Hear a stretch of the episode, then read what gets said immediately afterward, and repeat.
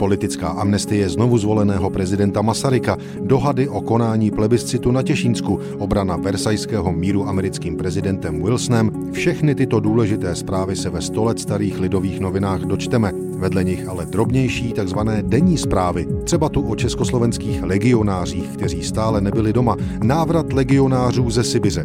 Československý generální konzulát v Terstu oznamuje, že přistání lodi Amerika a prezident Grant se sibirskými legionáři očekává se v Port Saidu kolem 30.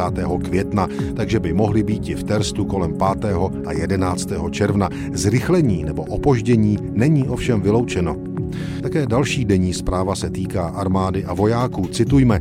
Upozorňujeme na vyhlášku Městské rady zemského hlavního města Brna o hlášení odvodem povinných příslušníků ročníků 1900, 1899 a 1898, protože se opomenutí trestce peněžitými pokutami až do tisíce korun je důležité, aby se každý, jehož se to týká, s obsahem vyhlášky náležitě obeznámil. Konec citátu.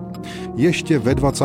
století se dějí zázraky. I toto píší 100 let staré lidové noviny. Klerikální Čech zaznamenává dnes nefalšovaný zázrak, činí to však způsobem velmi stydlivým a nenazývá to ani zázrak ten pravým jménem, nýbrž jen zajímavým případem. Do hrabině totiž přijel na pouť muž, který před třemi lety ztratil řeč. Sotva klekl ve spovědnici a kněz nad ním udělal kříž, vrátil se mu opět dar jazyka. A ještě jedna zpráva ze 30. května 1920 v Lidovkách. Na žádost profesorů odhodlalo se ministerstvo školství obnoviti přísnější klasifikaci na středních školách a nařídilo, že při jedné nedostatečné může postoupit žák pouze tehdy, dokáželi opravnou zkouškou po prázdninách, že dohnal nedostatky. Tato opravná zkouška nebude však vůbec povolena žákům zřejmě nedbalým. Nařízení ministerstva školství bude vítáno soudnou veřejností jako počátek snahy při přivést mládež na středních školách k opravdovější práci a učinit ti konec rozmanitým úlevám, které připustilo úpadkové Rakousko před svým neslavným skonem.